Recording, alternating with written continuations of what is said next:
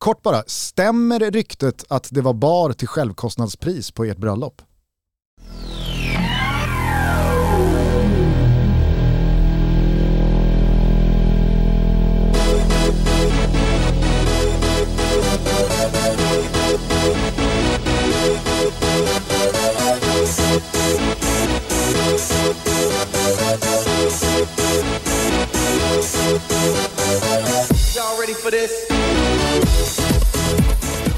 Känner varmt välkomna till Toto Balotto. Det är måndag den 28 mars när ni hör det här, men när vi spelar in det här avsnittet så är det torsdag den 24 mars. Det är bara några timmar kvar till dess att Sverige ska VM-playoff-semifinala mot eh, Tjeckien hemma på Friends Arena. Och vi har fått sällskap i studion av en gammal landslagsräv, Pontus Wernblom. Hjärtligt välkommen till Toto Balotto. Tusen tack för att jag fick komma. Du är ju eh, dels eh, ny på Betsson. Stämmer. En del av eh, värmen och familjen. Jajamensan, vi tog emot honom eh, väldigt varmt. Det, det känns bra att ha det i familjen. Tack så mycket Thomas. De behöver föryngra lite där, det var nog därför tror jag. Ja med Fimpen och Jonas Björkman och så vidare. Det är klart att det behövdes en föryngring. En liten generationsväxling. Det behövdes en rekrytering av någon som det yngre gardet vet vem det är. Exakt.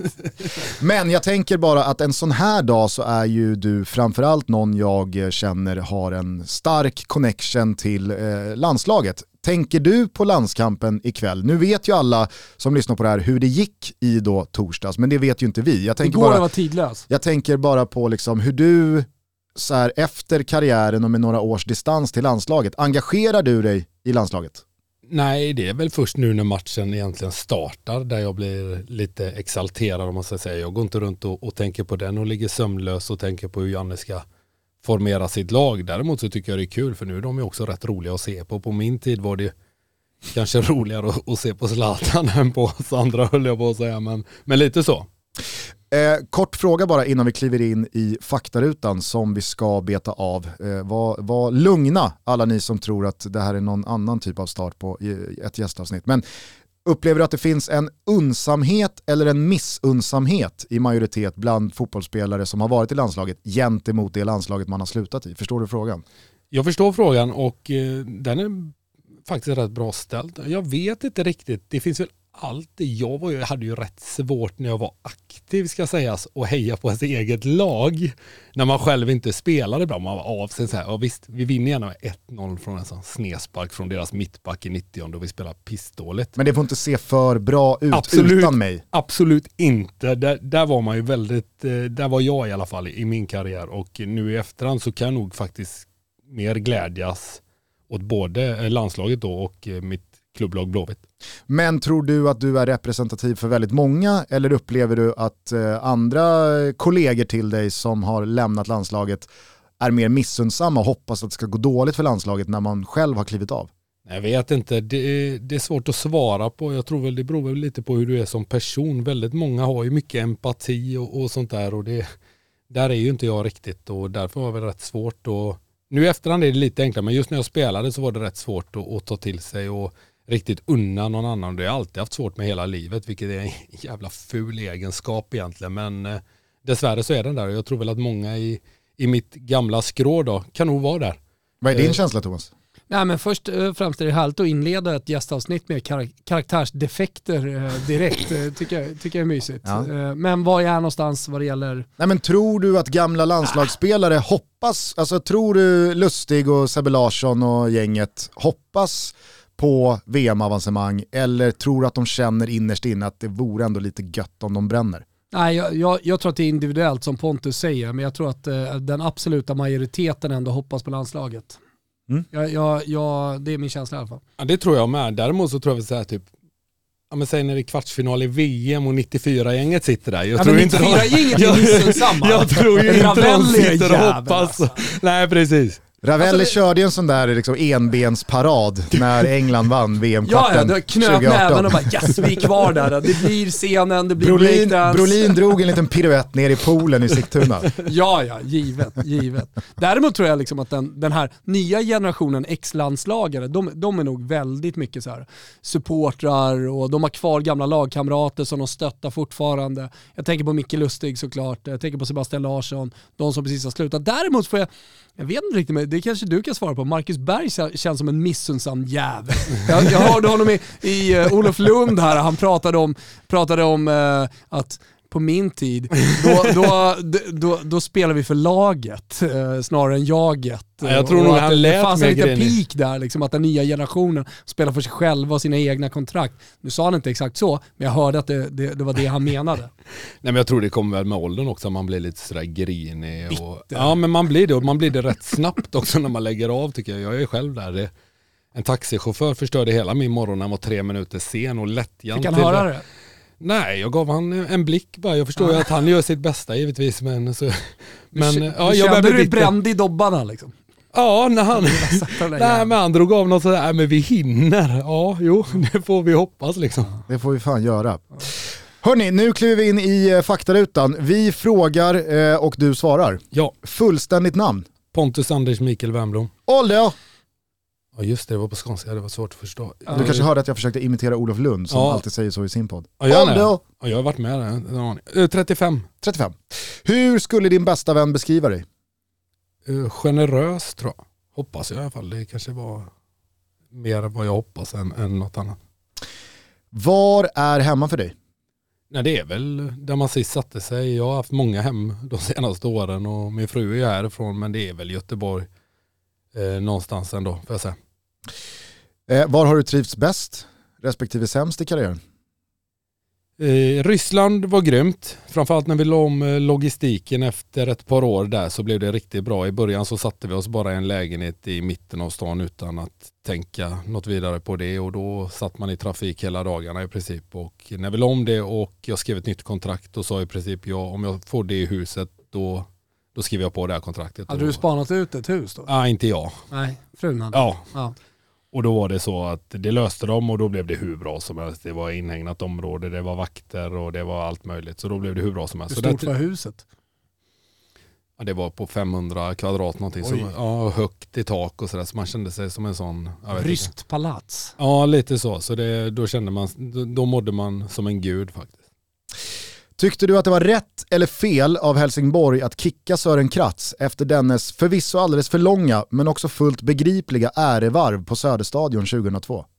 Jag tyckte att det var rätt. Jag kommer ihåg det. Jag, ty, jag tycker fan att det är rätt.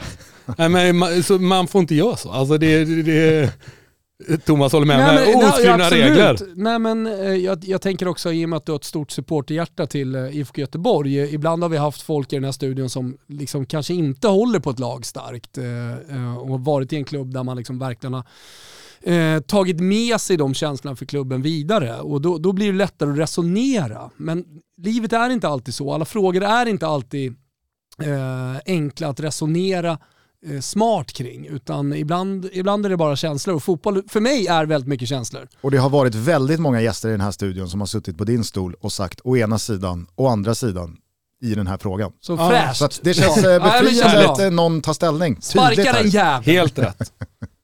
Eh, vad lägger du pengar på? Eh, Paddel just nu. Ja, det är dyrt. Så in i helvete. Men du har väl för guds skull inte liksom eh, i pipen att du ska öppna någon hall? För det tåget har gått Pontus. Nej jag vet och nu är jag ju dessutom eh, kollega med Björkman så han, han var först ut och det känns som att han har slaktat marknaden. Han håller i och för sig på att öppna och, och bygga kanske man ska säga paddelbanor på Maldiverna så det är väl där du får haka på då. då. Ja det hade varit fint. Ja. Hasse Backe bygger i eh, Dubai.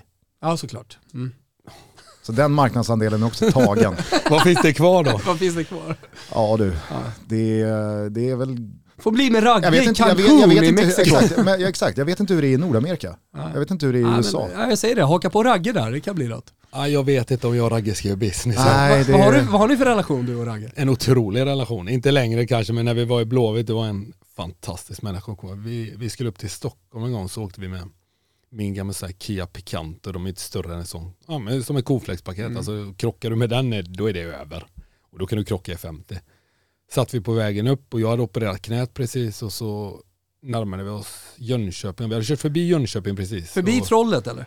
Ja precis, Ja. så vi kom liksom en, längs med Gränna nästan och så fick vi stopp på bilen. Och den, den var ju liksom, det var en dålig bil. Den kostade ja, inte alls mycket. Ja. Men den tog oss dit vi skulle tänkte vi. Men visst, vi fick stopp där och så fick jag ragga ringa bilfirman och bara vad är ni? Vi bara, ja men vi vet inte riktigt. vi, vi, vi, helt ärligt, ja, men vi, vi kunde inte helt säga vad vi var. Det var, fanns ju inte, fan vad gammal jag låter nu med. Ja, men mobiltelefon. det är appar Du och sådär på det. googlar här. inte Ja, bara din position. verkar, vi ser havet i alla fall. Ni såg Vättern? Ja. Okej. Eh, bra kille, rolig, fantastisk människa. Eh, Dels att liksom blanda ihop Vättern med havet och dels också tro att någon ska kunna lokalisera er på att ni ser Som den här havet. gamla Telia-reklamen. Eh, ni får hitta mig, Eh, nyckelperson på företaget. Springer runt i skogen. Klassiker. Ja, Jag vet inte, susar över mitt huvud. Nej, jag vet exakt. Reklamen. Du vet, eller hur? det gjordes bättre Nej, nu får ni reklam förr också. Ja, exakt. Nu får ni fan hitta mig. Jag är nyckelperson på företaget. Eh, på tal om eh, att komma sent, Ragge och eh, bilar då, så får man ju säga att eh, han, han gick upp sig vad gäller bilmodell. När Ragge var med i den här podden för några år sedan, då var han eh, 45 minuter sen. Eh, och, så, och så undrade vi varför han var 45 minuter sen och hade med sig sin son, Noah. Eh, och då så sa han bara, ja, men du ser väl vad det är för väder? Då var det slask, snöslask. Jag kör inte Aston Martin i slask. Så att vi har fått ta, ta oss hit på alternativt sätt. Och, Noah- grabben kunde då inte köras till skolan. Exakt, så Noah fick vara hemma från skolan. För att Aston Martinen rullar inte i slask. Som man gör. Exakt. Eh, Okej, eh, vilka språk behärskar du? Engelska och svenska. Försökte du dig ens på holländska, ryska och eller grekiska? Nej.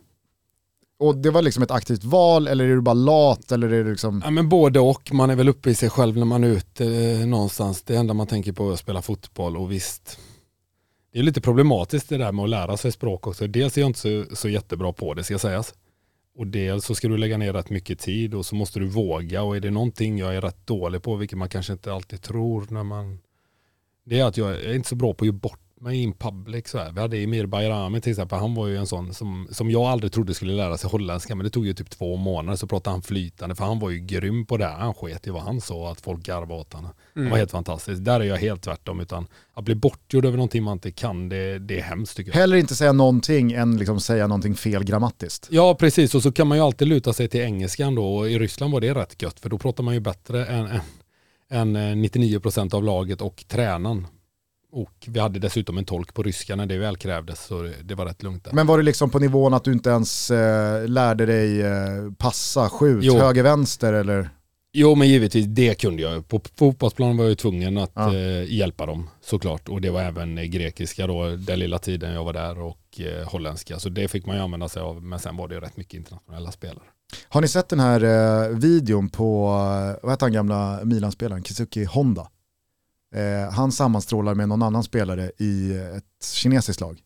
Och så vill då eh, den här lagkamraten veta vad heter eh, passa på japanska. Och så svarar Honda att det heter passa, eller pass.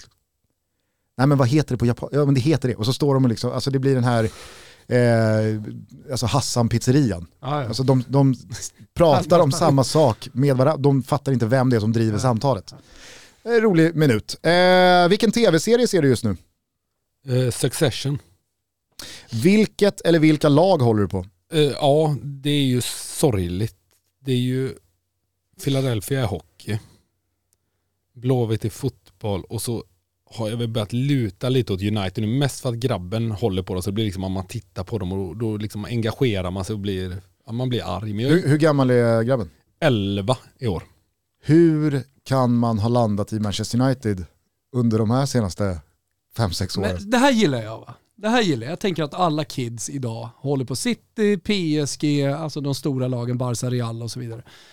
Det ger någon slags så här hopp om eh, mänskligheten tycker jag i det lilla. Att När eh, smågrabbarna väljer börjar hålla- pissgäng. Ja men börjar hålla på lag som eh, ja, går dåligt just nu. Ja, han var lite så här Brentford bandwagon ett tag också där, så det, var, det gillade jag också såklart. Men jag gillar, det är det som är det fina med supporterskapet, inte bara med han då, men det är så här, man vill ju inte att det ska gå för bra heller. För jag, är sån lida som, lite. ja, jag är som person så att jag tycker inte om när det går, för jag gillar, om vi bara tar Flyers då som är ett väldigt bra exempel, det är så här, det är rätt skönt när det går åt helvete och allt, alltså så här, de kan ändå inte åka ur så det, jag liksom bara behöver hata på dem och det är också en form av energi att hämta. Man behöver det där lilla gnället för Man- annars är det rätt bra livet ju. Man får ju med sig mer i livet av att det inte går bra hela tiden. Än att det liksom, alltså eh, det, det var väl Erik Niva som sa det givetvis i någon intervju att det, alltså det, det absolut sista jag skulle göra som förälder är att sätta på en Barca-mössa på min lilla son och säga vi håller på Barca, vi vinner alltid.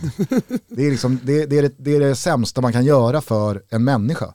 Men jag tänker på alla de, till exempel Liverpool-fansen nu de, de senaste åren. Jag tror inte att de är lyckligare än vad de var innan. Rent, alltså livskvaliteten för dem är inte, är inte lika bra nu som den var förut. För då hade de ändå någonting. Att sträva Ja, nu, nu är de ju där. Nu är det bara vinna, vinna, vinna, vinna och de är bäst hela tiden och allting de gör blir jättebra. De har ju också hamnat i ett segment av fotbollsklubbar ute i Europa. Eh, alltså man jämför dem med, med helt andra typer av klubbar idag. Och de, de får en annan typ av skit liksom från motståndarsupportrar jämfört med tidigare. Det blir också en ny typ av verklighet där man i Liverpools fall måste vinna för att allt annat är mer eller mindre ett misslyckande. Så då blir det en sån jävla press, alltså jag tror att det mer blir en lättnad och en press snarare än en glädje av en vinst. Ja, precis. Och det, så är det verkligen. Och jag tror inte att man liksom, det, det är skönt och inte att de lagen jag ändå tittar på ofta inte vinner. Nej, för det gör de ju sannerligen inte alltid. Blåvitt eh, går ju sådär. Ja, det har ju inte börjat än, men det har väl inte sett super Jaha, ut än. då summerade vi allsvenskan 2022 plötsligt med, med en Men, mening. men du har tron. Ja, ja, för fan, det är topp tre. topp tre hela Ja, vägen. ja, ja, ja, det är topp tre. Eh, Vem, eh, vem är din gubbe historiskt genom alla år i Flyers? Nej, det var ju, det är nog Claude Giroux och nu blir han ju borttradad häromdagen. När man inte trodde att det kunde bli värre så, så tradade de bort kanske den enda anledningen till att jag en gång började hålla på dem. Jag, eh, jag går ju tillbaka så långt eh, med Flyers att eh, jag, jag hyser ömma känslor för Micke Renberg. Ja, snyggt. Fast han var ju bara medpassagerare till de andra två egentligen. Han fick nog rätt mycket cred där för vad han var. Men ni vet grejen med Micke Renberg, kan du ha med dig in i Hockeytutto här framöver? Mm. Han vägde vad då? Jag vet inte. Vad vägde Micke Renberg? Även, eh, Pontus? 103. Han vägde 100 kilo, Ja. blankt. Ja, okej. Det var liksom i alla år. Ja, Micke Renberg, vikt 100. ja. Det är snyggt. Det finns så jävla rent, något Men- rent i det. Vem var din Blåvitt-gubbe? För jag tänker att du har väldigt mycket liksom Champions League, Blåvitt. Det var, det, var, det Ja. var ändå ett lag som eh, du såg upp till och som du drömde till. Ja visst, nej men jag växte ju upp, vad ska man säga, det var lite för tidigt där direkt i början, men 96 där Mm. började man ju riktigt intressera sig då. Och då var det ju Alexandersson, Andreas Andersson så får man inte säga, men han var jävligt bra i Blåvitt. Ah. Ja, det var han. Ja. Sen blev det som det blev där. Men det, det är något annat. Men Håkan såklart, eh, när han spelade. Men de, de, var så jävla, alla var så jävla bra. Liksom. Mm. Och så eh, ja, gjorde de ju rent på svenska marknaden, tog in Christian Karlsson till och med. Så. När du tänker på Zlatan Ibrahimovic, vad tänker du på då? Att det är vår största spelare genom tiderna. Hur ser er relation ut? Vi har väl ingen relation nu efteråt, men när vi spelade så var det ju... Känns som att ni hade ett bra, bra vibe när ni var i ja, landslaget. ihop. ja, alltså jag gillade ju Zlatan som fan, för jag tyckte att mer än så här, man ville sätta sig in i hans situation. Att man, nu får du åka och spela med oss, fy fan vad hemskt. Och så här, jag längtade till landslaget, jag kan inte tänka mig något så här. Om nu ska jag åka och spela med Zlatan, nu ska jag åka och spela med Pontus. Liksom. Det är, att lägga den i, i vågskålen, det är så här, det är nog- tufft tror jag. Och så här, när det går bra givetvis då får han ju all cred, vilket när du är så bra så blir det ju så. Och när, när det går dåligt så får du all skit. Och att Men det, lite att förväntansbilden är så otroligt hög. Eh, Vi pratar om Liverpool, eh, att, att det blir samma med Zlatan. ja precis. Så Och att han ska när, lösa saker. ja, och när han var i sin absoluta prime, om vi ska säga så, då, då var han ju helt fantastisk. Och det var ju synd att han inte kanske kunde få riktigt den uppbackningen som inte som man kunde förvänta sig men som man kanske hade velat. Nej, men så här med några års distans, för jag menar du har ju inte varit en del av landslaget på ganska många år och det är ju ett annat typ av landslag som Zlatan nu återigen är en del av än det landslag han under många år var frontfiguren i och som du tillhörde.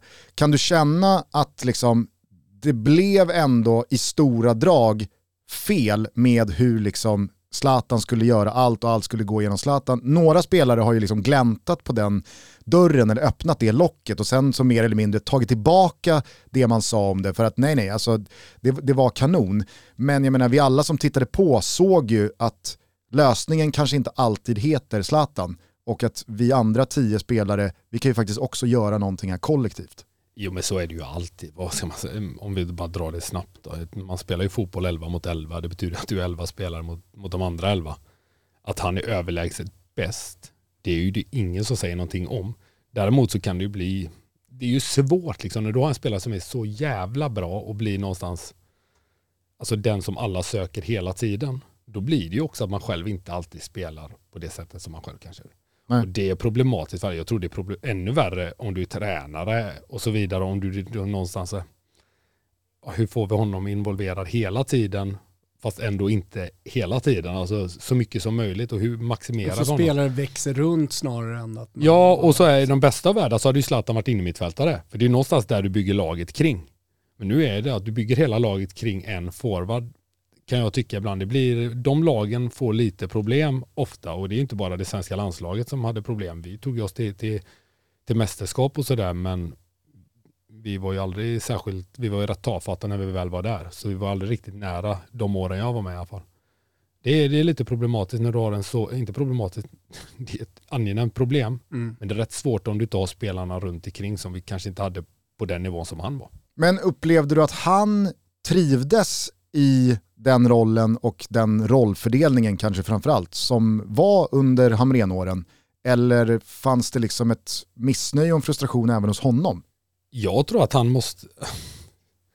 Så jävla svårt eftersom man inte har hans, riktigt hans perspektiv på det. Hade jag varit i hans situation, det är väl det enda man någonstans kan, kan uttala mm. sig ifrån, så hade jag varit som jag sa innan, han kommer tillbaka och så står jag där på träningen. Normalt sett när han var Xavi och Iniesta, liksom, när han väl var där. Alltså, om vi ska dra det, det dit så mm. det är mm. klart att jag tror att det är svårt att, att gå ner en nivå som man ändå gör varje gång han kommer till landslaget. Eh, ja. Jäkligt Men han verkar ju trivas fråga. väldigt bra nu. Alltså när han, när han har en ny roll och det är en, eh, vi har pratat väldigt mycket om det, alltså det är min, mindre dräpande Zlatan i boxen eh, men eh, en ska säga, eh, mer av en lagpappa och en ledare. Aset Zlatan is no more. Ja men i alla fall mindre. Alltså vi, såg vi har ju sett tendenser av aset Zlatan, Lukaku till exempel i Milan-Inter för ett år sedan, men mindre och mindre as, mer och mer lagpappa som har roligt. Jag har eh, sett eh, bilder nu från landslaget att ja, men folk flockas lite runt honom, man, man skrattar med Zlatan. Eh, och det är han som eh, någonstans håller låda. Sådär. Ja, och sen så har vi kliat oss lite i huvudet för att det där också har tagit sig uttryck att han har passat och sökt passning snarare än gått på avslut själv när han har haft mer eller mindre 50-50 läge i boxen och att det bara känns märkligt. Vad fan, du är Zlatan Ibrahimovic. Dräp bollen, mm. dunka in den i nätet. Vad fan ska du hålla på och liksom söka snett inåt här för? Och att det kanske liksom också, ja men man får inte ut max av Zlatan i det. Men å andra sidan så håller jag helt med dig för att det laget som Zlatan kommer tillbaka till nu är ju också ett, på ett helt annat sätt fungerande kollektiv. Där han snarare kan gå in och krydda och höja laget med spetsegenskaper, men det funkar utan honom. Snarare som jag upplevde det under många år under Hamren så var det liksom, ja med Zlatan så har vi det här. Utan Zlatan, det är, ett, det är ett helt annat lag. Vi spelar en helt annan fotboll då. Att det, det fanns en jävla problematik i det. Ja, det är ju svårt. Jag vet inte om det riktigt beror på att Zlatan, att det kanske är ett litet kvalitetstapp från hans sida nu och de andra, liksom att du möts någonstans på mitten kontra vad det var förut, för då var ju han absoluta världstoppen. Och där var ju ingen av oss andra om man ska säga så. Nu tror jag väl kanske lite nu på ålderns höst här att han, att han har förstått och, och, och kanske inser Samtidigt som det laget som är nu har ett par riktigt vassa spelare i, i Kulusevski, Isak, eh, mm. Emil och så vidare. Så jag tror, och Lindelöf, de har ju liksom tagit ett steg så de har ju börjat närma sig Zlatans kvalitet och om de inte, de kanske är på samma nivå, om inte förbi nästan, eh, många av dem. Och då tycker jag att eh, då blir det nog lite enklare. Själva dynamiken blir ju rätt enkel då. Om man, säger, om man, om man inte har en som sticker ut väldigt mycket så blir ju den dynamiken väldigt enkel i alla fall. Hur man, jag tror det är enklare för Janne att kontrollera ett sånt lag än vad det var för Hamrén att kontrollera då en superklar superstjärna i laget. Mm. Finns det någonting konkret som du kan liksom klä i ord som förklarar vad som gjorde Zlatan så bra? Eller ja. så pass mycket bättre än er andra? Men det är ju liksom att han är Alltså han är ju stor så in i helvete och så är det liksom, det är bara muskler. Jag vet inte, det är så genetiskt galet. Liksom. Det är så framtaget ur ett labb. Och så är han snabb också. Då tänker man ändå att han är, han är ändå lite seg. Liksom. Och så ska man in på honom. Visst, han trycker undan det. Så. Men så är han lika snabb som den minste spelaren i fötterna och hur han flyttar bollen. Så. Det är så, okej, vad, vad, gör vi nu då? Ja, vi måste ju hopptackla liksom, och så på bollen och så hoppas att vi kommer undan att han inte blir... Alltså, det går inte att spela en mot en mot honom. När han var som allra bäst, ska sägas. Mm. Och det, det, nej, det är bland det mest imponerande jag sett. För jag tycker ändå att jag brukar kunna trycka till folk när jag väl spelade själv. Eh, men han var så han la ut benet, det var som att springa in i betong. Det, han flyttar på det hur enkelt som helst. Men just det tycker jag han eh, kanske har varit ödmjuk inför sig själv och utvecklat eh, de senare åren också. Just det felvända spelet, att hålla i bollen. För det, det tycker jag vi har saknat lite i landslaget. Även om Mackan var bra på det, men just att kunna skicka upp en stor stark nia som bara håller i bollen och laget flyttar upp. Eh, Berg. Berg. Ja. ja. Nej, jag vet inte. Jag vet inte vem du är Mackan med. Jaha. Nej, jag vet inte, Pontus sitter här. Han, han är i Mackan med Mackan Berg. ja, men... vi pratade om Marcus Berg tidigare så det känns som att han har blivit bara Mackan i det här avsnittet. Ja, ja, ja. visst. Fortsätt. Eh, nej, men just, um, jag tänker också på de här två matcherna, förhoppningsvis då när vi sitter här på måndag. Men uh, att, att, att man har det alternativet nu också. Men, men jag har sett det i Milan, att han verkligen utvecklat det spelet. Det går inte att ta bollen av honom det, det, är en sån go-to-match mot Koulibaly i, i, Napoli som är en av de, ah, kanske till och med starkaste, fysiskt starkaste med van Dijk eh, eh, försvararen just nu. Där han bara tar bort honom i just det felvända spelet, i duellspelet. Ja, det är ju helt otroligt. Jag kommer ihåg när man själv satt och tittade på honom när han var i sin absoluta prime. Då, om du tycker att han, var, att han är bättre på det, men jag kommer han skickar ju Materazzi och Chiellini och de här som vantar. Liksom. Det, är inga, det är inga småkillar vi snackar om här, utan det är de starkaste i världen och han skickar ju bara iväg dem. Sista Zlatan-frågan bara, är du förvånad över att han still going strong? Att han liksom pushar 41 och fortfarande slåss om Serie A-titeln och är en del av landslaget? Nej, inte alls egentligen. Han är väl ett unikum. Ja. Våren känns av, fotbollens hetaste period är ju här och med den såklart också våra vänner som inte bara stolt sponsrar Toto men också världsklassfotboll. Jag pratar om Heineken, 00 alkoholfri. En riktig våröl om ni frågar mig. God i munnen, svalkande och en perfekt vän att hålla i handen när man till exempel kikar Champions League, eller varför inte Europa League, Women Champions League och dam-EM som de är huvudsponsor till. Heineken 00 alkoholfri. Cheers to all fans. Ni har väl inte missat att vår sponsor Lavazza har lanserat fyra ytterligare smaker under samlingsnamnet Espresso Maestro. Och det är en kapsel för espresso, classico, en kapsel för lungo och en kapsel för ristretto samt en kapsel som är helt koffeinfri. Den ger jag till mina barn. Det är ett tips för eh, alla er där hemma som har barn som gillar kaffe och eh, ni känner att det blir lite fel, vilket det är, att ge koffein till barnen. Classico som sagt, en kapsel för en eh, enkel espresso. Det är precis som namnet låter, klassiskt. Ristretton, det är ju liksom kaffet för italienarna. Va? När de ska ha en espresso så vill de ofta ha en ristretto. Det är en liten stark jäkel.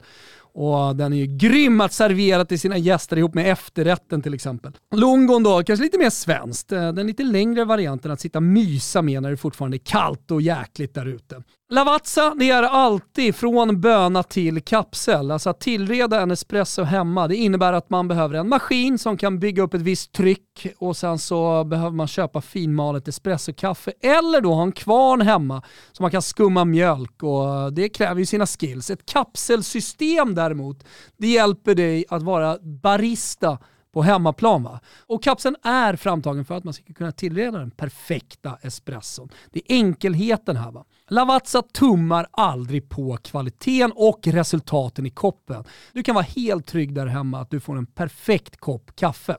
Morgon, lunch, eftermiddag, eftermiddagen, spelar ingen roll. Lavazza finns där alltid oavsett vad det är för kaffe du vill eh, dricka. Vi säger stort tack för att ni är med och möjliggör Toto Balotto. Toto Balotto är sponsrade av Max, Sveriges godaste burgare. Hörni, jag rullade in med eh, tjejerna på en Max drive-through här för en vecka sedan efter en fotbollsträning och tänkte ah, att jag ska överraska dem lite. De var hungriga, de hade spelat i kallt väder och eh, precis innan eh, Slagsta, har ni koll på Stockholm eller? Ja men det är söder om stan. Då tog man bara till höger och så rätt in på Max. Och då sa jag då till tjejerna, vad vill ni ha? Ja men då har man ju sina favoriter och ni som lyssnar ni har också era favoriter. Men då tvingade jag tjejerna, det var inte så svårtvingat, men nu sa jag att den här gången när vi åker in på Max, då är det bara en burgare som gäller och den gäller för alla. Det är Pepper Jack and Chili. Och vad är nu det? Ja, men ni som inte har sett den eller hört om det så är det alltså Max nya kampanjburgare. Och den kommer man kunna äta mellan den 17 mars och den 19 maj. Givetvis används det legendariska friskobrödet och emellan de här goda brödskivorna så finns eh, pepper jackost, picklad röd chili, sweet onion, sallad, chilimajonnäs. Ja, gott va? Det enda mina tjejer fick välja på det var om de ville ha svenskt nötkött av högsta kvalitet, grillomi eller den plantbaserade plant beefen. Och jag märker att plant beefen, ja men den växer. Det var faktiskt tre av fem som tog plant beef den gången. Hur som helst, Resultatet då? Var den för stark? Eh, var det någonting som var konstigt? Vad, vad tyckte tjejerna om den? Fem plus!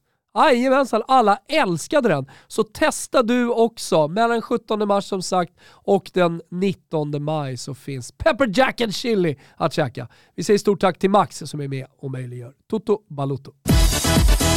Eh, är du för eller emot pyroteknik? Oj, Fan vad besviken jag är på att du ens tvekar. Det känns som att Ja, du som genom säger- din karriär har- har jo- gått igång som fan på när det brinner Jo bengaler det, på jo läktarna. det är klart. Visst när jag spelade då var jag för det men det är så här, jag har så svårt att gå igång på smällar och att det brinner och sådär. Jag vet inte, det, fan vad gubbig jag låter. Ja det gör du faktiskt. Ja, ja jag vet, det, jag, jag tar det då. Ja, men dels så, så finns ju, alltså det finns ju en eh, väldigt rotad och härlig eh, pyrohistorik i, i Göteborg, men jag tänker också Grekland, Ja, nej, alltså nej, matcherna galet mot uh, Atenlagen, alltså det måste ha brunnit satan och varit en jävla liksom, uppumpning inför matcher som gynnade dig som spelare. Ja, jo, jo, visst, visst finns det ett element där som är kittlaren såklart när man spelar och eldar på en lite, men samtidigt, jag tyckte det var lika bra när de skrek och, och väsnades. Så vi landade i ett emot här. Ja, Otroligt. Vem, vilka eller vad hade du på väggen i pojkrummet? Fernando Hierro, Raul, vadå? Fan, Hierro, Det vilken, var, vilken bara, fantastisk det var spelare. oväntat första namn. Jarro. Ja, jag tror att jag hade Jeremy också, kommer du ihåg han? Ja, ja, ja. Herregud. Han var underskattad. Ja, det, det är nog rätt adjektiv kring Jeremy. Eh, men Fernando Hierro, otrolig. Mm. Alltså hans eh, målskörd under karriären. Mm. Man, man, man häpnas alltid. Jag tror han gjorde de hattrick sitt sista år i Real Madrid. Det var någon hörna, en frispark och en straff tror jag. Vilken är din absolut fetaste fotbollsupplevelse? Det är nog när vi vann SM-guld med Blåvitt ändå. Det var något speciellt såklart när man är från staden och sådär. Alltså jag håller din, eh, din första, det kanske inte var de första orden, men din sägning att nu ska jag adressändra till Park Lane som en av de mest Ja, välformulerade och liksom spetsiga kommentarerna till hur det här ska firas. Som jag upplevt i svensk fotboll. Eh, Det kommer inte ens jag ihåg. Jag var däremot på Park Lane för två veckor sedan. Det var lika, helt Du var, så, otroligt. du var så hemma. Ja, helt otroligt jag hamnade där. Jag var definitivt äldst på stället alla fall. Men när jag då eh, fräschar upp ditt minne, Ja. minns du sägningen nu? Ja, nu när du säger det så absolut. Kan du också själv eh, känna att det där var fan, det var, det var spetsigt sagt? Ja, lite bjuckigt också. Men är det inte så här i ett eh, här i ditt liv-segment och bilder från ditt liv då tänker jag på så är det när du firar SM-guld på planen med en Wiseman-tröja. Det är ju, det, alltså så ser ju jag Pontus Jansson, äh, Pontus Jansson, så ser jag, Kim, klipp där. Nej, det ska de med ju. Ponne Arrogansen hos Weissman. Wilbacher. Vad, vad, vad, Då blir han du lack nu näsan. Vad fan Nu var du han hett lack. igen? Nej men eh, det, det, det, är det en klassisk bild. Ja, det blev ju det. Det var inte så smart heller. Vi blev ju Varför då? Nej men det var ju egentligen det var inte min mening så. Sen blev det väl vad det blev. Det, jag kommer ihåg Håkan så det var fan har du på dig när vi kom in i, i, det var, vad är det? Jag, jag fick den här. Det var, de strippade mig på kläderna och de var schysst nog och gav mig en t-shirt och man var ju Ja, men det är 22 dina supportrar också. Ja, ja visst är det så. Nej det var väl en, en rolig bild sådär efterhand. Sen, sen är ju det vad det är. Men eh, håller du det då högst för att det var med liksom ditt Blåvitt och det var den första titeln eller eh, är det så att det aldrig blev större sen? För du spelade ju ändå i, liksom, i stora lag i de respektive länderna du var i och vann tunga titlar. Ja men där var det ju med polarna på ett annat sätt från staden där jag kommer som jag hade växt upp med och som, nej efter det blev det inte riktigt likt om man säger de andra titlarna som kom sen. Visst det var roligt och så. Det var nästan lite mer det var så här, i CSKA framförallt då var det ju lättnad för där var vi favorittippade hela tiden. Så det var mer så här, äh, men då hade man gjort jobbet och alla någonstans eh, drog direkt efter. Det var ute i flygplatsen och åka på semester. Det var inte mer än så. I Göteborg firade vi en vecka och sen så åkte vi på en vecka till utomlands. Så det var liksom, då var vi polare. Men rätta mig om jag har fel, för att när då Pauk vann ligatiteln för första gången på skitlänge Mm. Så var väl du också skadad stora delar av den säsongen? Ja, precis. Gjorde det att man inte liksom kände sig så delaktig? Ja, givetvis. Ja. Alltså, det, är väl det, det är väl lite som vi pratade om i början. Det är inte att man är missundsam, men man känner inte att man riktigt är med. Man har svårt Nej. att få den där... Jag tänker på att hade du spelat alla minuter av den ligatiteln så hade du väl förmodligen kanske upplevt den titeln och det firandet som någonting enormt. För jag misstänker att det var, det var liksom party tre veckor i Thessaloniki. Jo, det, jo, givetvis. Absolut. Det kanske är så. Sen så blir man ju luttrad, ska man inte säga. Men eh, det är klart att det är roligt att vinna. Men, och så hade jag ju turen att få göra det. Men i Göteborg var det också första gången man vann. Liksom. Och då var du ung och du var så här, ah, inga bekymmer. Man har ingen bakfylleångest direkt. Utan det, det kom ju med åldern liksom. Och i, Grekland då, absolut, där spelade jag inte sista halvåret. Jag kommer inte ens hur det var att spela fotboll. Och så vinner man ligan. Visst, man får en medalj runt halsen och allt är svinbra. Och det var ju roligt såklart, men inte alls på samma sätt när man inte är delaktig. Det, det får man nog vara ärlig och säga. Jag tänker bara när vi är, nu är på eh, SM-guldet 2007 med, med Blåvitt, eh, så kom ju du fram som en, i alla fall i mitt huvud och i min känsla, som en annan typ av spelare än vad du sen liksom kom att bli. För att när du kom upp i, i Blåvitt så det gjordes ju poäng på löpande band och det var nästan liksom släpande anfallare och dundra in i boxen och det var liksom, ja men Pontus Wernbloom, han gör väl 9 plus eh, 8. Och sen så när du väl hade liksom satt dig och etablerat, då först blev du någon typ av liksom mer defensiv mittfältare, sittande mittfältare som snarare hade glidtacklingar och hårda dueller som eh, adelsmärke än att du gjorde massa poäng. Var det liksom fel bild från början eller blev du så att du blev en annan spelare senare i karriären? Jag tror att det har rätt mycket att säga. Om man ska summera sin egen karriär. Jag kunde aldrig spela i 4-4-2. För det krävs rätt mycket att vara inne i mitt och spela det. Du behöver vara bra Fan, på fan, allt. Fel lag du valde då med Blåvitt och landslaget. Ja precis, nej men det var, ja exakt, det var ju delvis därför jag säkert aldrig spelade särskilt bra i landslaget om man ska vara helt ärlig och i Blåvitt. Om vi ska vara helt ärliga så spelade jag nästan aldrig in i mitt fältare. I- När jag kom fram absolut, men sen efter ett tag då vart jag ju petad och så kastade de upp mig på topp och då gick det bra där. Och då tror jag att det var, det var ju en annan fotboll på den tiden, det var mycket inlägg. Det var inte som nu att man slår inlägg på marken utan där var det liksom skicka in den och där var jag ju rätt vass i, i det spelet. Och så tog jag mig utomlands och då fick det bli att jag fick eh, snurra lite på det. Där spelar man ju 4-3-3 när jag kom till Holland. Mm. Och sen när vi väl kom till eh, Ryssland då, men då var jag ju bara nummer sex. Då fick jag ju inte gå utanför, eller ja, eh, cirkeln i princip. Det Ser vi dig i ytterzon, då är det straffrunder imorgon. Ja, precis. Nu ska vi inte dra några jämförelser i övrigt, men jag kollade på Paris veckan. Och de har ju han den där Danilo som, vad fan gör han på plan? Men det var exakt den jag var. Sen när de, när de inte har bollen så står han bara framför och direkt när de får bollen kommer Verratti de här killarna i mitten, då går han ut och ställer sig på en kant. Det var egentligen, så gjorde jag i sex och ett halvt år i, i Ryssland egentligen. Och det behövs kanske det också i vissa lag när man behöver någon form av balans. Men det här kompromisslösa duellspelet och lungorna och arbetskapaciteten, det, hade, det, det fanns alltid, även under ungdomsåren och första senioråren. Ja, ja, det kom ju, framförallt jag var en, en riktig lirare, för så var jag ju storväxt och så kom jag upp i A-laget och min första träning var på en sån här skolplan, så här riktigt dålig gräsplan.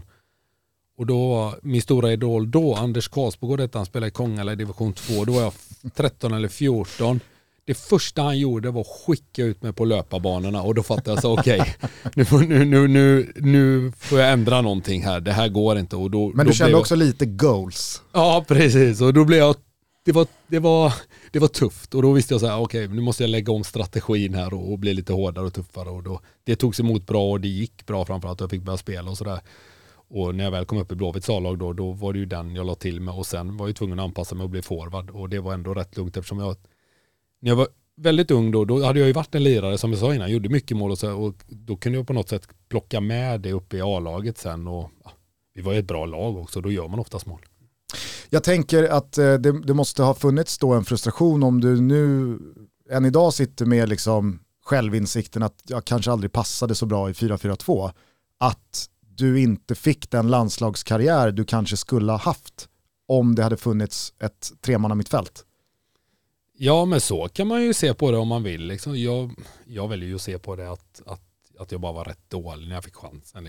Men absolut, jag tror att jag hade, hade haft en större chans att, att hävda mig om vi hade spelat på ett liknande sätt som vi gjorde i Ryssland när jag och Rasmus spelade där ihop, om vi säger så. Eh, den typen av spel. Sen så var ju vi spelförande där ska man ha med sig också. I Sverige många gånger var man ju inte alltid spelförande när man möter Tyskland borta. Så de matcherna hade vi inte i Ryssland. Det är klart, när vi åkte och, och spelade Champions League så här, då fick vi pisk av helvete och då stod jag där ändå i balansrollen och, och gjorde det fel. Jag minns ändå matcher mot både Manchester City och Real Madrid när du liksom mm. verkligen tävlade på, på de bästas nivå. Ja absolut, men då var det också innan de här bortamålsreglerna som jag tycker om att de har tagit bort när de bara kom och hämtade en poäng för att de visste att de slaktade en på hemmaplan sen. Det, det är väldigt skönt att den är borttagen tycker jag. Okej, okay. ja. den, ja, den aspekten får man väl eh, väga in då. Men eh, du gjorde ju ett par fina matcher i Champions League mot absolut bästa motstånd. Ja, det blev, det, så var det. Eh, om du sluter dina ögon och tänker på dig själv som fotbollsspelare, vilken tröja har du på dig då? Ja men det är nog Blåvitt ändå, det tycker jag. Det är Blåvitt? Ja. För eller emot VAR? Emot. Så tydliga svar på de här frågorna, vilket jag tycker är bra. Det är många som håller på så här, jo men det är bra på ett sätt. jo men jag fattar ju också att det är bra på jättemånga andra. sätt, ja, men jag hatar det. Det är, ja. det är nästan läge för uh, superproducent Kim att lägga in uh, Tobbe Husseins svar här. Ja men oh fan. Hans, hans jävla... Bengalfrågan och den här. Ett kryss två Tobbe. Hans å ena sidan och andra sidan harang kring pyro och VAR. Det var, det var en sällan skådad jävla djungel han gav sig in i. Det tog en timme ner på Olivedal alltså, få ur han någonting. Poddade med honom häromdagen. Mardröm. Ja. Du är lite ambivalent här. Nej, alltså egentligen inte. Blir det tillåtet så kör. Men nu när det inte är det så, så tycker jag att man får hålla sig inom, inom lagens gränser. Liksom. Så du är emot pyroteknik? Nej, det sa jag inte heller. Utan, eh, du är jag, för pyroteknik? Nej, det sa jag inte heller. Går det för Olivedal egentligen? Har du varit där? Nej, jag har inte varit där. Jag, ah. jag har aldrig varit där ska jag säga. Ah, okay. Vem från eh, fotbollsvärlden hade du helst velat dela en flaska vin med? Jimmy Bullard. Oh, bra svar. Eller? Ruskigt bra svar. Jag har hört en bra historia om han när han peggade upp i eh, foajén på ett hotell. När de hade haft lagfest och skickade bollen rätt in i glashissen. Vet inte om det stämmer. Alltså en golfboll och... Jajamän, han peggade upp. Fan, ja. Nej, och Jimmy Bullard, eh, för er som inte vet vem det är, han spelade i Wiggen och Hull och eh, var han som eh, stod för den här klassiska målgesten när Hull då under tränaren Phil Brown fick en utskällning i paus borta mot Manchester City. Eh, där då tränaren höll kvar alla spelare ute på plan och skällde ut dem inför öppna ridåer. Eh, det tog Jimmy Bullard fasta på, så nästa match när de gjorde mål så samlade han alla spelare runt sig själv och så iklädde han sig rollen som Phil Brown och skällde ut dem som en målgest. Underbart. Otroligt. Dock tveksam om man dricker vin. Nej, det är, det är, det är en bärs kille. Ja. Jo, men han kan också hälla i sig lite vin om det är så att det är vin det bjuds på. Så ja. känns det också.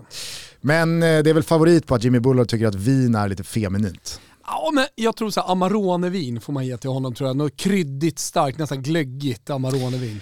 Favoritarena? Bernabeu. Mäktigaste numret du har i din telefonbok? Joakim Mild. Gud. Ja, Ja, men de har, från gamla speltider. ja, jag har inte ens telefonen här. Jag vet inte. Har du Zlatans nummer? Nej, det fått jag. Det fått jag. Jag har... Um, vad fan nummer har jag? Jag har inte så många. Eller jo, jag har många nummer, men det är så här... Nej, jag har fan inget bra tror jag inte. Du har han som sköter listan på Park Lane. Det är ju ett mäktigt nummer. Jag säger ju det. Hej. Under våran prime så ringde vi inte, vi bara kom dit. Okej, eh, det var eh, det deppigaste svaret hittills. Ja, mörkt. Eh, bästa spelare som du har spelat mot? Tony Kroos. Tyckte jag var eh, fortfarande vilken fantastisk spelare. Det gick inte att ta bollen. Lite som Zlatan fast inte så stark men hela tiden. Om man kom upp om, i pressbanan då spelade han på ett touch och gick du inte in då vände han om. Och, nej det gick inte att ta bollen bara.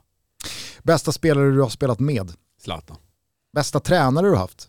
Ja, Slutski i CSKA gillade jag. Det känns som din, alltså ni hade en fin relation. Ja, otrolig relation. Rak och tydlig. Fortfarande. Ja, nej men han var nog snarare tvärtom. Det var nog den, när jag kom till Ryssland så hade man sådana, ja, lite vad man blivit iproppad när man var liten. Eh, mycket stämde givetvis, men framförallt så tänkte man att den här tränaren kommer vara sjuk i huvudet. Det var liksom den inställningen man gick in med. Så var det världens nallebjörn, hur mjuk som helst. Visste liksom, ja, men genuint intresserad av alla. Liksom, en Tommy Söderberg fast, eh, fast ryss. Ja, men det var verkligen så. En rysk Tommy Ja, Söderberg. omöjlig att tycka illa om. Det var genuin rätt igenom, ända in i märgen. Jag tycker, jag tycker han ser liksom så ut också egentligen, Slutski. Ja, Liksom, Som en stor nallebjörn. Vilket är det bästa lag som ditt lag har spelat mot? Bayern München när de hade Ribéry och Robben på varsin kant. När de var prime liksom. Ja, och Dante och Boateng stod inne på våran planhalva så här 20 meter in och var den sista. Liksom, och, och Neuer stod vid halva planen. Ja. Och då, man orkade inte ens Och sparka Neuer upp bollen. i cirkel så och tryckte upp sina Och du var där med CSKA då, eller var det AZ eller? Nej det var CSKA, då, Ja. så, då sa Slutski till det är viktigt att vi håller undan första 15, tror jag, så här 2-0 efter 6 minuter. Nattsvart. Får mig att tänka på när Mattias Concha gästade den här podden och eh, fick samma fråga. Eh, och då så sa han att ja, men jag gick eh, 69 minuter mot Robben och vi låg under med 6-0. Och då bytte de ut Robben och då kom Ribéry in. Då var det tungt att vara ytterback i Bochum. Okej, då har jag 21 kvar nu då. Nu kommer Ribéry in och är lite sugen. Eh, vilken spelare är den mest underskattade som du stött på? Här tänker jag spontant att du om någon vet hur jävla bra Rasmus Elm var Ja, sett till Ja. hur lite erkänd han ändå är i det större perspektivet i Sverige. ja, det var ju givetvis, hans toppar var ju helt otroliga och de fick jag ju vara med och uppleva i både i AZ och i CSKA. Vad stack ut i topparna i hans egenskaper? Nej men det var alltså så smart liksom. Och så hade han ju tillslaget också. Så han, och så var han, det tror man inte, han var otroligt stark. Och så sådär, han var gubbtjurig redan vid 20, liksom. han blev förbannad. Eh, och sådär. Och, men det är också en spelare som jag kan tycka många gånger kanske inte riktigt passade in i ett 4-4-2 utan han var, han var regissören på ett tremanna mittfält där vi kunde liksom tiki-taka oss emellan. Jag var ju, hämtade ju bollen till honom. Åtta typ. Ja, han kunde vara allt möjligt. Ja. Han, han gjorde ju lite vad han ville när vi spelade. Det var så här, jag skulle hämta bollen till honom. Och, så, och så bestämmer han vad vi gör. Det var liksom, han var quarterbacken eh, var vi än spelade och jag, så här, jag skodde ju med på hans karriär. Jag fick ju bara jag fick ju åka med där ett tag. Så det var, det var fantastiskt och ja, vad säger man? Första parkett hela tiden till han. Och det, det är lite synd att han liksom inte fick den karriären som jag tror han hade i sig. Men ja, Vad hade han i sig tror du? Alltså topplag? Ja, det hade han ju. Alltså rent kvalitetsmässigt. Sen så skulle han väl, vet jag väl inte om han hade velat det, för han är ju inte speciell som person, men han var ju, gillade ju tryggheten. Jag tror det var mycket därför han kom till Ryssland också, för att jag redan var där och att vi, vi kände varandra länge sedan innan och hade kamperat ihop och sådär. Men visst, hade du bara tagit rent kvalitetsmässigt så hade han nog kunnat spela vad som helst nästan. Det var en gång mot City när vi Då hade han varit skadad i två månader och sånt där. Och tränaren hade bara med honom för skojs skull och så var vi så jävla dåliga för vi var totalt överkörda. Så kastade de in honom och då kommer jag ihåg att han hade lekstuga med Silva och Yahya Touré och de, han snurrade med och nära att vända matchen på egen hand. Mm. Jag eh, tänker också när han då vände tillbaka till Kalmar så var det lite som du berättade om hur det måste varit för Zlatan vissa år när han kom till landslaget från klubbadresserna han vanligtvis var i. Alltså Rasmus Elm på Guldfågeln i Kalmar sista säsongerna, han slog sådana jävla passningar. Men så var det så, så här, om, fattar. om, någon bara, om någon bara hade fattat att här kan man också trä in bollen, här kan, här kan man också springa, om nu någon bara fattar det. Fatta att ni har en jävla världsspelare på det där mittfältet men det springer runt sådana jävla stolpskott där uppe och är liksom alldeles för dåliga bara. Ja nej, visst är det så. Visst är det så. Hur ser er relation ut idag? Med tanke på att ni ändå gjorde så stora delar av era karriärer ihop. Han bor ju för det första i Kalmar så den blir lite lidande av det. Det är ju mitt ute ingenstans, det vet ju alla som har varit där. Jättefin stad. Ett kryss två Tobbe här nu. Vill inte ha för mycket hat från Kalmar. Nej, men eh, vi pratar då och då, det gör vi faktiskt. Ja. Och det, nej, Vad gör Rasmus idag? Han är ass till eh, Är Rydström. det? Mm. Ja, känns också som en match made in heaven faktiskt, de två ihop. Ja, nej, men det är hela vägen till niondeplatsen i år. Det kommer de säkert göra bra. Finns det någon eh, spelare som eh, har fått ett jävla erkännande som du aldrig riktigt sett storheten i? Oj. Som du tycker är lite överskattad? Oh. Och du behöver ju inte svinga mot någon 22-åring i allsvenskan, Så jag fattar det. Utan det här, du kan ju liksom sparka uppåt här. Pontus har ju Ja, nu liksom, eh, selekterat bort tre stycken landslagsspelare som han har spelat med som han tycker är lite överskattade. De, de kan jag inte säga, det kan jag inte säga, det kan jag inte säga. Albin, nej kan jag inte säga. Nej, men jag tycker väl... eh, vi mötte ju... Ponne, ah, nej kan jag inte säga. Det är för nära.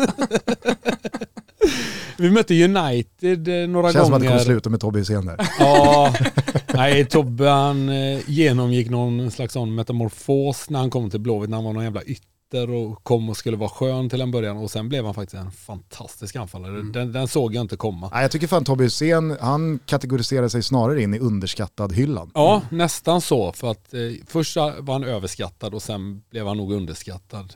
Det ska du nog säga båda de två jag nämnde också, både Albin och Ponne. Du eh, var på väg mot Manchester United. Ja, precis och eh, det var väl rätt många i deras lag som jag kände när vi, när vi spelade mot dem. Det var ju inte deras om de är dåliga nu så är det ju ingenting mot vad de var under Mourinho höll jag på att säga. Men då tog de i alla fall någon titel här och där. Men det var nästan så att så här, äh, de här är ju lika bra eller dåliga som oss. Och det var nästan hela laget.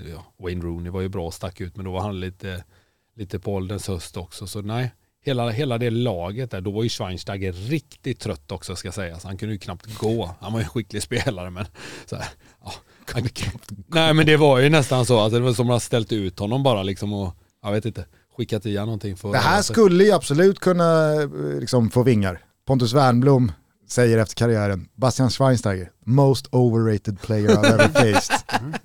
Nej, det gillar jag. jag gillar, Hoppas jag, vi jag aldrig får internationell eh, spridning. Absolut, jag aldrig gillat Schweinsteiger själv. Får de med det citatet också. Sa program, svenska programledare att han, Det, han det, kommer hellre aldrig, det. kommer aldrig Ja, men nå. det kommer ner som en, liksom för att förstärka det här. De höll ett resonemang kring Schweinsteiger. Tyskland, höll all... Tysklands Fredrik Pavlidis sitter inte och knackar ett headlinesvep eh, imorgon tisdag där det står att Thomas Wilbacher, Ja, men så här, en programledaren med. poddprogramledare, tyckte att Bastian Schweinsteiger Nej var men dålig. rubriker är ju där men så förstärker de ju det Ah. med det citatet. Så att nej, det är, det är en ruskigt överskattad fotbollsspelare, det håller jag med om. Okej. Eh, finns det något specifikt i din karriär som du ångrar eller som du fortfarande grämer dig över? Nej, inte som jag kan påverkat själv tror jag inte. Eh, hälseneskadan. Eh, och så här, i efterhand så borde jag väl bara ha slutat när jag drog hälsenan. Men det är lätt att vara efterklok. Men eh, under din långa karriär, det har gått så bra och sådär, vad, vad är det för typ av klubbar du har tackat nej till? Eller som har tackat nej men som, som har eh, eh, legat på bordet? Vilka ligor, eh, finns det någon liga du hade önskat spela i? Eh, nej, mitt så här som jag alltid har resonerat och där är ju alla, gör ju alla som de vill. Men jag var alltid så här, när CSKA kom så var det en no-brainer för mig. Då hade ju ingen varit i Ryssland. Wallestedt blev eh, väl bort bortjagad därifrån någon gång i tio år innan. Alltså. Ja, Skansen-klubbar. Det är Jonas Wahlqvist. Han? Jonas Wallerstedt, det var liksom en så här, en bra säsong gör han sju mål i Norrköping och en dålig säsong gör han fem. Ja, pålitlig anfallare. Ja. Han, Ja. han sparkar in hörner som dimper ner och blir lite liksom Mm. flipperspel i boxen. Då står han på rätt plats De nickar han in. Nej, precis. de rakar han in. Ja, nej, eh, vad var vi nu? Uh, Jo, det var Ånger. no Ja just, det, för ja dig. just det, nej precis så visst jag hade väl eh, lite anbud från eh, i Premier League bland annat. eh, Men då är det så här, då ska jag husera i botten av tabellen och eh, den pressen som det innebär den är inte så särskilt rolig. Och, eh, I förhållande till att vara favorit i CSKA Moskva. Ja men det, jag resonerar alltid så, det är bättre att jag blir utspelad av Manchester City i Champions League än i ligan och, liksom, och, och vinner en och annan titel. Och visst, man får åka och möta Krylja Sovetov i mars. Mm. Men eh, någonstans så har du lite eh, silverware med dig hem i alla fall. Och det var så jag resonerade hela Mm. tiden. Och det var lite samma, inte när jag valde Pauk, för då, de hade väl det bästa kontraktet på längd och sådär som jag ändå tyckte. Men även det här att, ja, gå till Italien kanske, men då är du ju där nere och spelar med kniven på strupen. Eh, Kan man njuta ut Men, men har du haft livet? Italien på bordet? Ja, Vad har du haft för, för klubbar då? Cagliari heter de så? Cagliari. Cagliari. Cagliari. Bra Ändå schysst att du säger ja när han säger Cagliari. Heter de så? Ja, Cagliari. Jo, ja, men, eh, Jo men det var är därför schysst. jag kollade på Cagliari. Thomas. Ja, Ja. Cagliari var intresserad. ja, när det begav sig. Det är ju Mm. länge sedan nu men då Mm. var det så här, nej. Nej. Då är det roligare att gå till Grekland, eh, ja, slåss om titeln där och ja. Typ allt samma det. pengar ändå eller? Ja, Mm. och så var det ju längre kontrakt och allt det Mm. där. Så jag alltid, det, det är så jag har resonerat genom, genom min karriär och sen, det var inga så topp, toppklubbar givetvis. Eh, sista frågan då på faktarutan. Eh, premiär idag. Oj. Numera får man svara Messi eller Ronaldo, så frågan är enkel. Vem är världens bästa fotbollsspelare idag? Tidigare under fem och ett halvt år Toto Balotto så har frågan varit om du inte får svara Messi eller Ronaldo, vem Ja. är världens bästa Ja. fotbollsspelare? Men nu är ju båda De är så pass, utanför topp fem. alltså de är, de är så pass mycket på retur att vill man liksom sticka ut hakan och svara Messi eller Ronaldo så Gör får det. man göra det. Ja, alla kommer ju dit till slut. Där de är nu. Det är Mm. så jäkla konstigt. Men, men som är bäst just nu av dem. Ja, nej, vem är världens bästa fotbollsspelare? Du får svara vem du vill. Ja, Men jag- nu får man även, om, du- om, Jaha om okej, du, ja, nu, då är jag med. Då Ja. är jag helt med. nu gick hissen nu, hela nu vägen upp. jävla händer det grejer. Vi har ju suttit här en stund nu. Vem är det bästa? Eh, jag säger nog Lewandowski ändå. Han är ju tvåa på Toto den presumtiva, eh, subjektiva objektiva eh, Toto Ballon-listan i mars. Är appen uppe än? Nej, på gång. Den är på gång. Vi jobbar på den. Det går bra för er nu, för Alltså det det är världens, enkla, ja, men det är världens enklaste app också. men det viktiga är att eh, alla ni eh, amatörer kan få gå in och, och tycka och så får ni en egen lista. Härligt. Ja.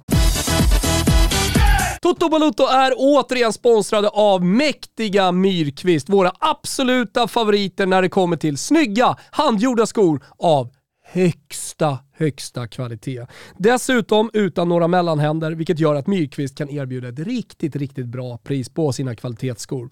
Materialet kommer från Europas finaste garverier och skorna görs för hand i Portugal. Är det inte något som känns ruskigt rätt med att riktigt snygga skor görs för hand i just Portugal? Jag tycker verkligen det. Men viktigt att komma ihåg också nu när det är vår och gatorna börjar sopas. Myrkvist gör inte bara kostymskor, utan det finns dessutom tvärsnygga sneakers redo att möta primaveran med.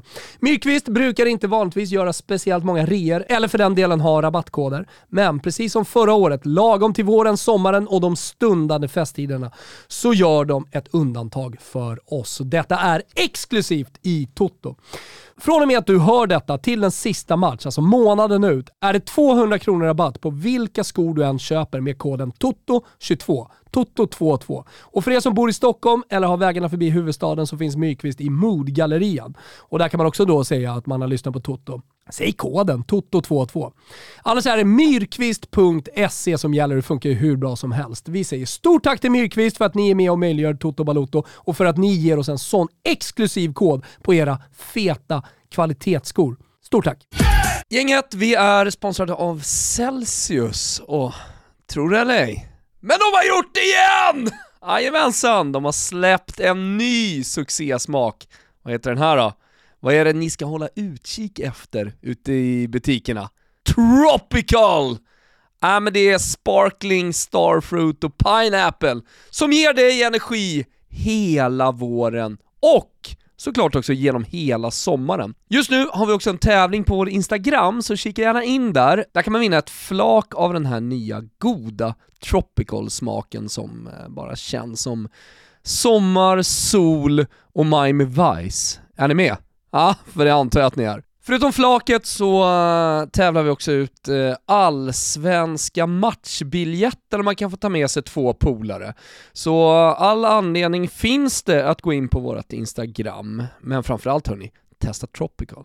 Känn smaken av Miami Vice. Sommar, sol, ah. Hörrni, vi är sponsrade av Betsson och eh, det är lite av Betsson-tider nu. Eh, det är raketer som ska skapas när Sverige spelar viktiga fotbollsmatcher.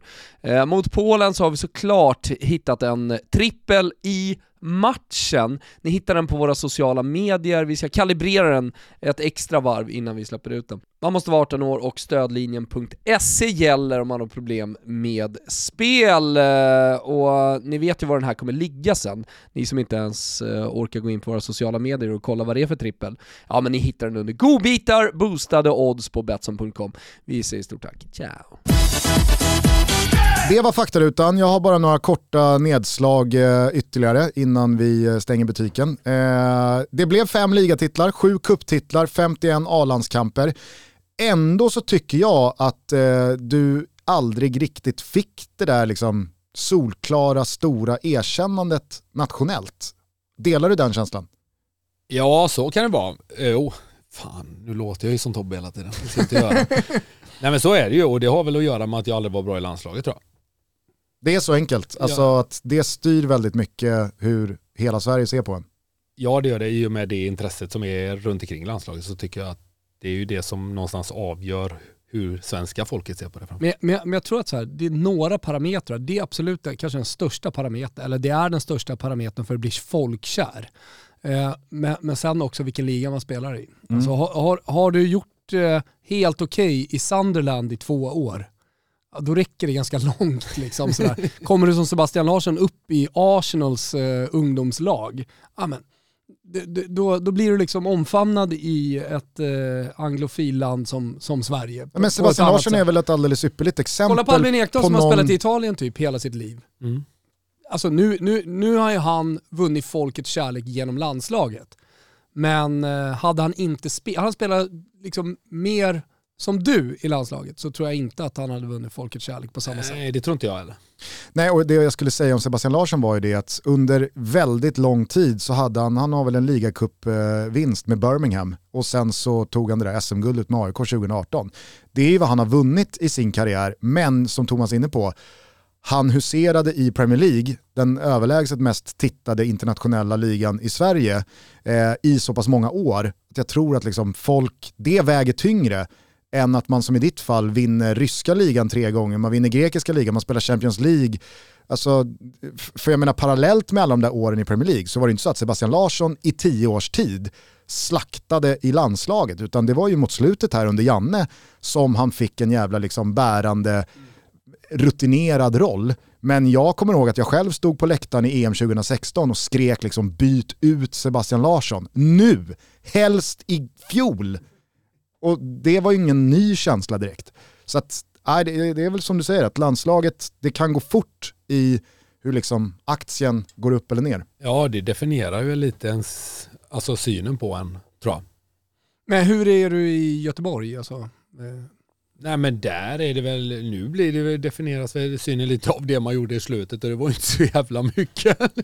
Ja men det så där det tycker jag är ganska så intressant. Sen... Att, uh, så här, ja, men SM-guldhjälte, stor uh, supporter till klubben. För det där har jag sett i andra, jag brukar alltid dra Cristiano Lucarelli-exemplet, kommer tillbaka för inga pengar i Serie B, skjuter upp Livorno i Serie A, uh, vinner skytteligan i Serie A. Men folk är mest sura på honom. Liksom så här, för att man, man, känns, man känner nästan att det är en, eh, en polare på något sätt. Uh, och han har så extremt stark, som du har också till Göteborg, lokal förankring. Ja men då kollar man, du är inte bättre än i senaste match för dem, för supporterna. Nej, precis. Och det är väl klart att kraven på en när man kommer utifrån och så här, de var ju orimliga om jag bara går till mig själv. Men sen fattar jag dem också. De ska ju vara där såklart. Ja. Alltså det är ju någonstans det som man gör att jag har kunnat leva på fotbollen också om man ska ha det. Om man liksom, ja, ser lite nyktert på det. Och jag har alltid gillat det och visst, nu blev det inte bra. Men det var ju aldrig tanken. Tanken var ju att det skulle bli skytteligavinst av Lucarelli. Ja, Men eh, du säger här med facit i hand så kanske du aldrig ens borde ha vänt tillbaka till planen i Blåvitt. Eh, Och, och jag, jag minns det ändå som ganska oväntat när du satt på ett liksom, kontrakt som sträckte sig över 2021. När du och Jakob Johansson valde att liksom avsluta samtidigt mitt under sommaren. Var det liksom Johan Mjällby-läge att det, det gick inte eller var det mer att du kände själv att det kanske går fast på en nivå som inte är värdig någon här? Det finns bara förlorare om jag ska harva runt här och vara 50%. Nej, för min del var det så här, det gick inte längre för det var en operation som var tvungen till och då skulle det ta ett och ett halvt år och det, jag lär inte vara piggare. Om jag var dålig innan så lär jag inte vara bättre om ett och ett halvt år eller ja, ett år eller vad det kan ha tagit. Så det var så här.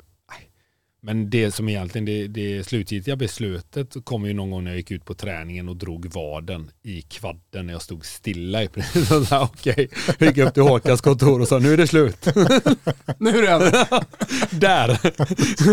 När vaden går stillastående i kvadden, då vet man Ja. då är det över. Och alla bara garvar, vad fan är med han? Linka ut där. Men det var ju varför jag drog upp Johan Mjällby där. Han berättade ju att han gjorde ju samma sak efter många år utomlands. Så vände han ju tillbaka till AIK och så fick han det där tifot på Norra Stå och så var det allsvensk premiär mot Gävle och så gjorde han 45 minuter knä, ben mot ben i knät. Alltså allt brosk var borta. Alltså det var liksom en smärta som han, han kunde inte resa sig upp från bänken i omklädningsrummet. Att han visste att jag får kriga in de här 45 minuterna bara för att ha liksom gjort comebacken. Men det går inte. Det går inte längre. Nej, jag var väl så dum att jag trodde någonstans att det skulle gå när jag flyttade hem. För jag var ändå så här, visst, jag fick ju inte vara med. Jag var ju persona non grata i, i Grekland. Eh, de ville ju bara bli av med liksom. Dra, bara dra. För att du kostar för mycket pengar sett till Ja, vad du... alltså mer eller mindre. vad de fick de, ut av dig. de hade ju gett upp på mig. Alltså, Ja. där, handlar, där har de ju köpt in lite nya goa mittfältare och det är klart, då var man ju man var inte ens påtänkt. Som tur var fick jag ju vara med och träna. Och Hur tydliga var de mot dig? Att de ville ha bort dig? Otroligt tydliga. Jag tror inte man kan vara mer tydlig. Men kan du ge oss ett exempel på hur det här tog sig uttryck? Ja, jag satt i, jag tror i nio timmar med, i telefon med, med presidenten sista veckan. Där jag pratade kanske tio minuter och resten var att spy galla på mig. Bara för att du då självmant skulle känna att jag lämnar. Jag, alltså, Det är ju så de gör. Alltså, det är ju inte unikt för mig. Jag hade bara en jävla tur att det är någonstans att jag kunde hålla mig så länge. Att det, det var första gången jag fick erfara det när jag var 32-33. Tänk de som får den behandlingen när de är 19-20 och kommer ut. Då är det inte så jävla tufft att stå på sig. Jag var ju typ alla svenskar som går till Belgien. Ja, eh, alla de och alla kommer ju hem rätt snabbt. Ja. Nej, men det, det, där behöver man ju ha lite skinn på näsan och med tanke på att det var en rådande pandemi också då så satt ju min kära agent Karl Fager hemma och tyckte nog det var rätt gött att inte behöva åka ner och ta det i kriget. Så jag satt ju där själv med dem och eh, nej jag var tvungen att vara rätt hård och till slut löste det sig. Men är det sådana tider och sådana erfarenheter som får en att inse att det kanske inte är så ofta och så många gånger man under sin karriär faktiskt knyter riktiga relationer med människor utan att det är, det är business. Man måste förhålla sig till varandra väldigt liksom, ja, men neutralt. Ja precis. För det de gör mot dig där, det är väl bara liksom klubbledning mot en spelare som de får ut väldigt lite av sett till hur mycket han kostar. En det är dig som- Exakt, Ja men snarare det, är än ju- dig det är ju det person. man är. Och så, så här, jag har alltid jag har skrivit under på det här. Jag gillar ju hela, jag vet ju att det är så här det funkar. Så du tog, du tog ingenting personligt liksom? Nej, noll. Där är jag en gås. För jag vet ju samtidigt då när jag skriver på kontraktet, då är jag ju den bästa spelaren som någonsin har köpts in hos dem. Jag är ju kung. Jag kan ju be om eh, toppsviten på hotellet. Det är, allt är perfekt. Men det, det kan ändras väldigt snabbt. Och jag var så här, jag har skrivit under på det, jag vet hur det fungerar och eh, ja, det är en dans man gör med varandra och eh, jag tycker inte att det var orättvist men jag förstår ju att de hade ju pungat in massa pengar på mig och att jag skulle vara bra för dem och det var jag inte utan jag var mest skadad och det är klart att de vill inte sitta där och betala för en, en gammal 33-åring som bara är skadad. Däremot så luras man ju lite då för där och då trodde jag ändå, jag fick ju vara med och träna. Och det kändes bra. Det kändes också okej många gånger i Blåvitt när jag väl kom hem på träningarna. Men så när man väl får testa då ute på match så har du inte spelat på två, tre år. Och du märker att fan planen är ju större än den är på träning, då jag hade fortfarande gjort mig bra på en träning i en kvadrat i Blåvitt utan problem och om fem år också. Eh, det är jag rätt säker med att säga, men just på stor plan gick det inte. Det gick för snabbt för mig. Det, den här gamla, den gamle traktorn hade svårt att vända. Ja, men det vet jag bara eh, senast här nu under åttondelsrundan, jag tror att det var PSG-Real-matchen, eller Real-PSG-matchen så sa Kim det till eh, Mick Lustig i Champions League-studion, alltså under matchen, när vi satt och kollade på den. Så tog han ut någon sekvens och sa att när jag ser det där, då, alltså då känner jag i hela min kropp att det där är en annan fotboll än den jag spelade och gjorde mig gällande i. Jag har ingen chans att liksom se mig själv vara en del av den där fotbollen, för det går för snabbt. Ja, nej, jag tror att han har, han har helt rätt i det. Liksom, vi var en, en annan tid ska man inte säga, men framförallt så hade jag nog Visst, man hade kunnat gömma undan mig säkert på något sätt, men så skicklig var jag ju aldrig som spelare, så jag behövde ju ha min energi, jag behövde ju vara ute på träningarna. Vissa kan säkert gömmas undan och vara lite som vi pratade om Dick Axelsson här, att han mm. är bra i Djurgården, att han kan stå där och slå passningar i powerplay eh, för att du är riktigt skicklig på någonting jag hade ju min energi och det där och, och får jag inte ut den, ja, då var det inte så jävla mycket kvar. Det, ja, men som Pirlo sent på karriären kunde ändå hävda sig för att han var skyddad av två spelare runt honom och han kunde liksom slå sina bollar och, och vara snabb i tanken. Exakt, och det där var ju aldrig jag och det får man ju ärligt säga. Vi har denna vecka återigen med oss Frilansfinans som gör det möjligt att fakturera utan eget bolag. Glöm all administration. Glöm momsbetalning. Glöm momsinbetalningar. Glöm mankemanget som det är att driva ett eget bolag. För det är ju så att ta steget och våga starta eget, det innebär en ah, väldigt, väldigt stor utmaning. Och därför tvekar många. Det känns för riskabelt. Och vad är det egentligen som säger att vardagen blir roligare om man startar eget? Egentligen. Frilansfinans gör det möjligt att fakturera utan eget företag. Det är liksom grundbulten här. Och en sak som jag tycker är viktig i allt det här, som har drivit eget bolag och gjort på, på olika sätt, det är att man ofta som egenföretagare hamnar i ett, eh, ganska, en ganska stor gyttja i att hålla på med all administration. Och eh, jag gick ofta omkring med ganska stor ångest också över momsinbetalningar, ligga sent, ofta fick man påminnelser och kände liksom att jag vill ju lägga tiden på att driva Toto Balotto och göra det bättre. Inte sitta med den här ångesten och eh, ja, men all den tid och all den energi som eh, det faktiskt tar att eh, driva ett eget bolag. Hos Frilans Finans är det väldigt enkelt att vara egenanställd och man är dessutom försäkrad. Alltså behöver man inte oroa sig över att vara otrygg på jobbet eller om man gör ett extra gig. Och så får man, lyssna nu, Lön skattad och klar av Frilansfinans inom fem dagar. Frilansfinans är lite som eh, Benzema va? Man behöver inte oroa sig när han är ute på planen. Det löser sig liksom. Precis så ska du känna för Frilansfinans i ditt frilansande. Läs mer på frilansfinans.se och testa det här. Det är riktigt, riktigt bra. Vi säger stort tack för att ni är med och möjliggör Toto Balotto. Eh, nu eh, går det ju en eh, ny framtid till eh, mötes. Eh, ny på Betsson som sagt som ambassadör där. Det är ganska så starka rykten också om att du är en jävla liksom, finanstalang och har näsa för investeringar och startups och sådär. Vad, vad, vad, vad ligger det för sanning i det? Ingen alls skulle jag säga. Det är mer att jag har intresserat mig för det. Jag vet inte om jag är så skicklig men nej, man har väl problemet med, med många i mitt förra skrå då och, och jag själv som jag har gjort genom alla tider det är att du lejer bort allting såklart. Du skickar ju det och jag ska spela fotboll och det är svinbra. Och nu så här efterhand så är det ju inte alltid det. Så det är väl någonstans där jag försöker hitta rätt i, i min eget och försöka bli så self-made som man bara kan bli där på den fronten. Utan det finns folk som skor sig på en överallt och man får försöka få bort det där även ifall de jag jobbar med har varit bra och sådär. Men jag tror att gör jag det själv så slipper jag att ligga sömnlös på nätterna. Men så vad är ambitionen med de närmsta åren? Vad vill du göra? Nej, ambitionen är väl att, att jag ska kunna bli, bli självgående just eh, på min egen ekonomi. Eh, starta upp lite grejer i stan och framförallt det jag går med i ska jag vara med i själv och inte göras åt mig från någon som tycker att eh, att här ska du gå med och så får de en liten slant vid sidan av eller en kickback på Något ena eller andra sättet. Ja exakt, så nu, nu har jag ju både tiden och eh, ja, ambitionen att hitta lite grejer och jag har grejer sedan innan så jag har blivit mer aktiv så det är roligt. Vad är, vad är det för, är det något speciellt eh, område där du vill investera själv, där du har lite passion till och med?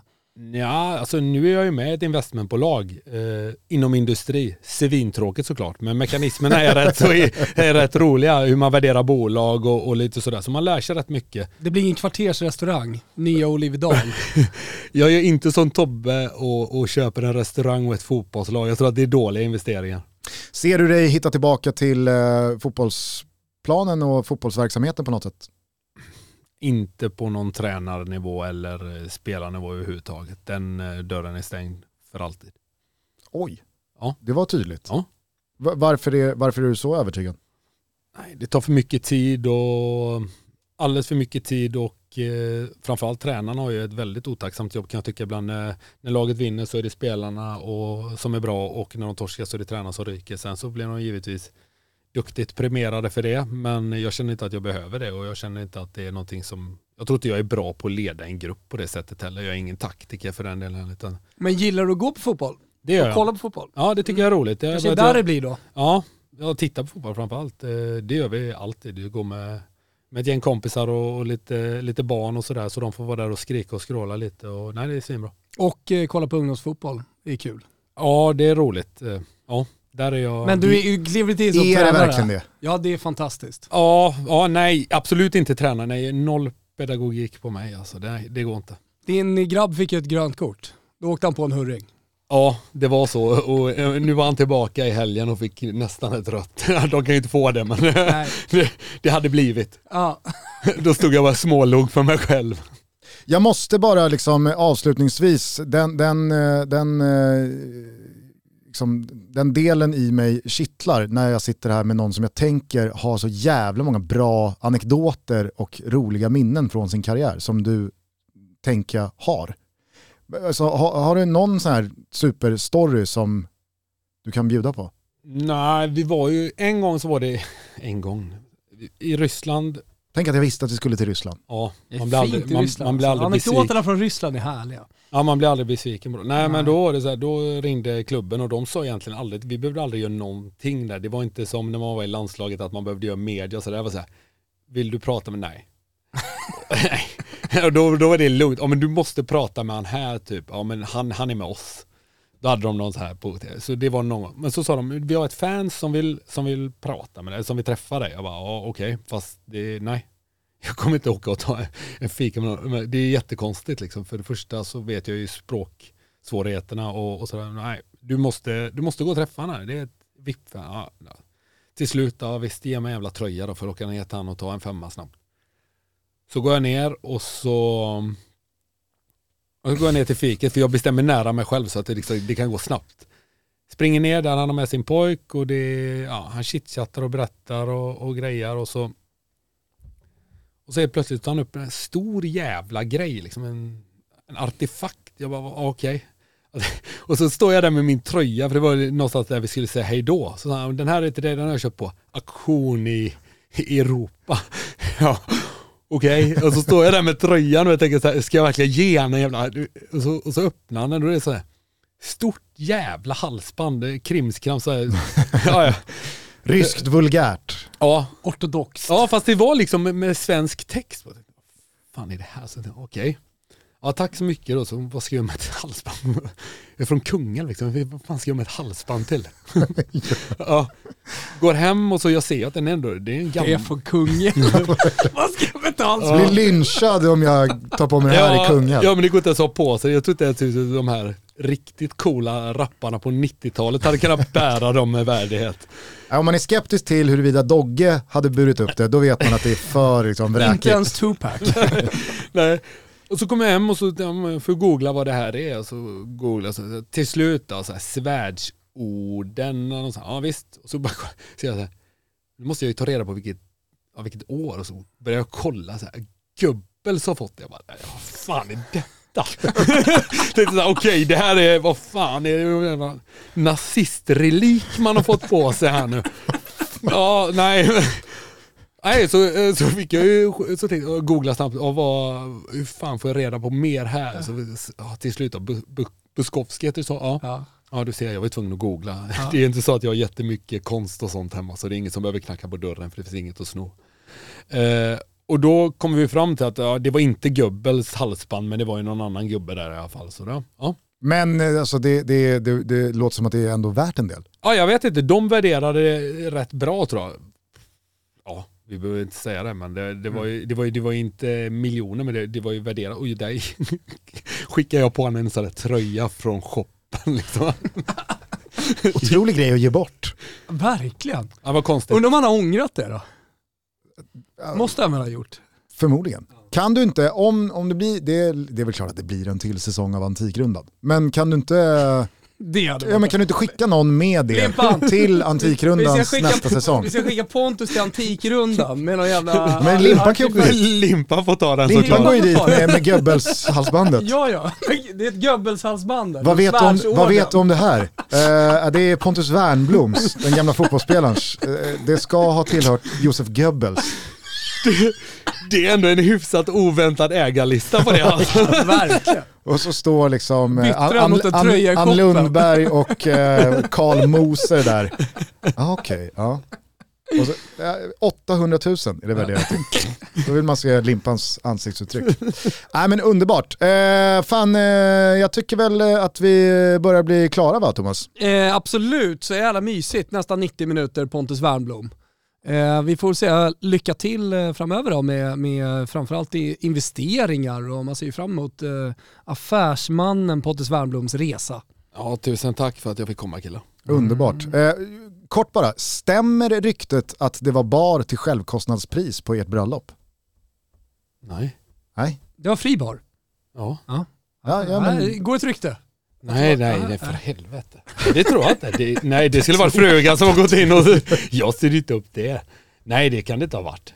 Nej, för helvete. Varför då? Säger jag att jag är generös i början av avsnittet också? ja, ja visst. Nej, det stämmer inte. Ja, ja, men bra, då har vi ju dementerat, Då då har har vi vi slagit fast det, det, en gång för alla. Underbart. Eh, Vem har spridit det här jävla jag tror det är ryktet? Fribben. Vem? Friberg. Fri, han var för fan inte ens där. Nej, men du vet rykten. Kanske Ja, fan därför. Ja, jag ska ringa han sen. Ja, Jävlar. Kanske därför. Fick inte en inbjudan. Ja, Då exakt. planterar han Ja, ryktet om att det var bitter bar till självkostnadspris. Jävla gris. Fina mörka blicken där. Ja, vi bor ju för fan i princip grannar åt Ja, jävla grisen. Du får kliva över där. Bild Fan vad bra han är fortfarande. Ja, det är faktiskt sjukt. Ja, det, Alltså också så här. Man kommer- Allsvenskans, lite där kan vi prata Tony allsvenskans mest Kroos. underskattade spelare. Allsvenskans Tony Kroos. Nah. Mer, mer Pirlo när han är trött då. Vet, när han går ut och är lite skön. Han är grym. Tony Kroos är ju inte underskattad. Nej, okej då. Men Friberg är väldigt underskattad. Eh, hörru du, eh, återigen, stort jävla tack för att du kom hit och gästade oss. Eh, lycka till med eh, återstoden av 2022. Det här var jävligt eh, roligt och uppfriskande tycker jag. Ja, vi syns eh, bort hos Betsson och hittar på roliga grejer. Det gör vi. Och så hoppas vi som sagt att ni i morgon kväll, tisdag alltså, kan se Sverige spela en direktavgörande VM-playoff-final mot Polen. Är det så att vi brände mot Tjeckien, ja då är väl livet piss ett tag till, men det går i alla fall att titta på de avgörande VM-playoff-finalerna, förmodligen mellan Portugal och Italien på Simor. Så att, eh, har ni inte ett simor abonnemang skaffa det. Men eh, det är torsdag när vi spelar in det här så då jobbar vi fortfarande den svenska VM-drömmen. Vi hörs i alla fall på onsdag morgon efter de här matcherna oavsett vad. Jag är också ganska säker på att om vi har gått den här finalen så har vi en raket bort hos Betsson. Och då kanske jag och Pontus gör det. Det kan ju vara en grej, eller hur Pontus? Det tycker jag. Ja, Bra, vi hörs snart igen. Ta hand om varandra. Ciao tutti. Nej, för fan. Pontus, Ja, du ska ju såklart få bestämma avslutslåt. Som alla våra gäster får göra. Vilken låt eh, går vi ut på? Men Vi går, fy fan vad pajigt säga snart skinnet på sig men den är fan bra. Det är väl ett eh, kanonval. Ja, det tycker jag. Superbra. Härligt, eh, då blir det Joel Alme här och så hörs vi snart igen. Ciao, Tutti. När vi går genom staden över broar och torg med doft av salt ifrån haven minns vi glädje och sorg. Och vi minns första gången när änglarna sjöng hur vårsolen värmde och vintern var glömd. Och när vi kastar våra torn daglov finns det alltid någon med hjärtat kvar. För du hav och himmel står vi kvar, för vi glömmer aldrig denna stad. Vi såg hur du halta, vi såg hur du sprang med tårar på kinden och hjärtat i brand. Med längtan i bröstet, du stod där och sa Snart skiner Poseidon och Blåvitt står kvar. Och när vi kastar våra tomma glas finns det alltid någon med hjärtat kvar. För du har vår himmel